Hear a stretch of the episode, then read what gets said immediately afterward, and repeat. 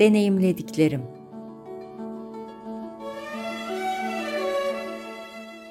İsteyen herkes tarhana yapabilir.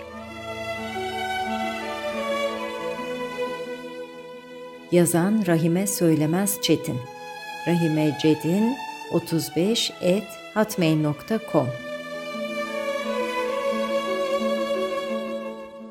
Seslendiren Müge Tüzün Gerçek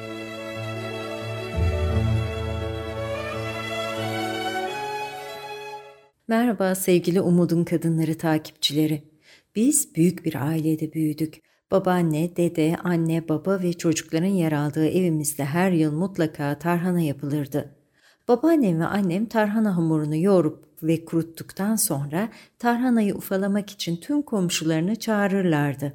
Tarhana yapmayı öğrenmeye pek meraklı olmasam da onların içinde bulunmaktan, o an yapılan sohbetleri dinlemekten çok mutlu olurdum.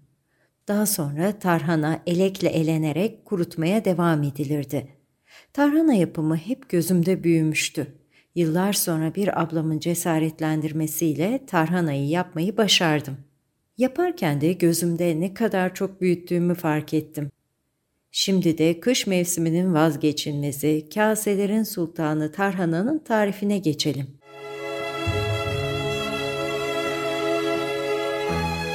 Tarhana nasıl yapılır?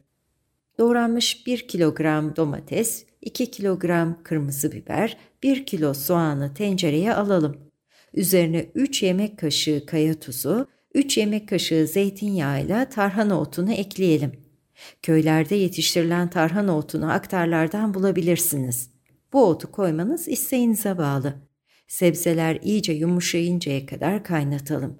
Sonra da pişen sebzeleri soğumaya bırakalım. Soğuyan sebzeleri püre haline gelinceye kadar robottan geçirerek uygun bir kaba aldıktan sonra üzerine azar azar 1 kilogram süzme yoğurt ekleyelim ve tarhanamızı yoğuralım. Hamurun kıvamı poğaça hamuru kıvamında olmalıdır.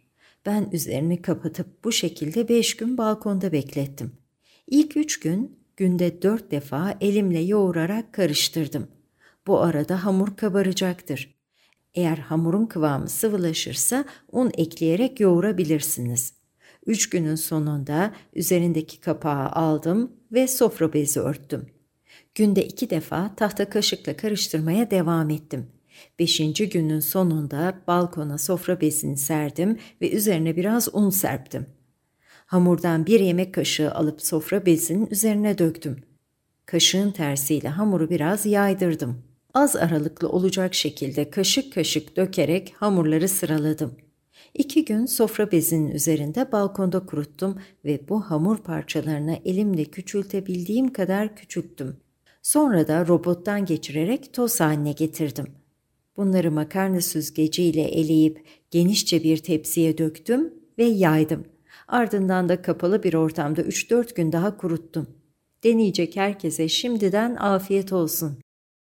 Sevgili arkadaşlar, sizlerin de deneyimlerinizi bizlerle paylaşmanızı rica ediyoruz.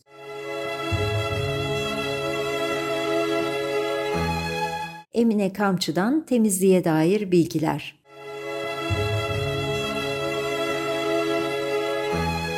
Bazı eşyaların üzerindeki inatçı kirleri yumuşatmak için eğer elinizde herhangi bir yüzey temizleyicisi yoksa ıslak mendil ve limon kolonyasından yararlanabilirsiniz.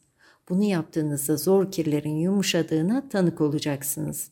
Daha sonra da iyi bir sonuca ulaşmak için basit bir deterjanla silip durulayabilirsiniz. Yüzey temizlikler için ıslak mendiller çoğu zaman kurtarıcımız durumundadır. Günlük toz alırken, yemek yedikten sonra yerdeki kırıntıları temizlerken yine ıslak mendil kullanırız. Ayakkabıyla bastığımız antreyi, pencere kenarlarını, klozetin oturulan kısımlarını çoğunlukla ıslak mendille aceleyle sildiğimiz olur. Ayrıca cam sehpaları, aynaları da kolonyalı pamukla temizlememiz olası. Bunu aklınıza gelen cam yüzeyler için de kullanabilirsiniz. Yağla yağ temizlemek. Fırınlarınızdaki tortulanmış kirlerden kurtulmak istiyorsanız bunun için yine yağlardan yararlanabilirsiniz. Fırınınızın içini zeytinyağlı pamukla önce rezistans hariç iyice sildikten sonra fırın ısısını yaklaşık 45 dereceye getirip bekleyiniz. Daha sonra basit bir deterjanla ya da karbonatlı suya batırılmış bezle silip durulamalısınız. Hazır yağlardan söz etmişken bir de nasıl kazasız belasız şişelere doldurduğumuzu deneyimlerimize dayanarak anlatmaya çalışalım. İster gözümüz görsün, ister görmesin. Bizler mutfakta çalışırken bir takım kazalara, dökmelere, saçmalara maruz kalırız. İşte bu tür tersliklere boş şişeye yağ aktarırken de yaşadığımız olur. Özellikle de bu tür işleri yaparken bir görme engelli olarak mutfak eviyesini sık sık kullanırım. Ayrıca şişelerin taşmasına önlem olarak da şişenin altına çukur bir kap koymak yararlı olacaktır. Bu yöntemin birçok arkadaşımız tarafından kullanıldığını biliyorum ama mutfak işlerinde yeni olan arkadaşlarımıza önermeyi uygun buldum. Kolay gelsin. Başka paylaşımlarda buluşmak üzere umutla kalın.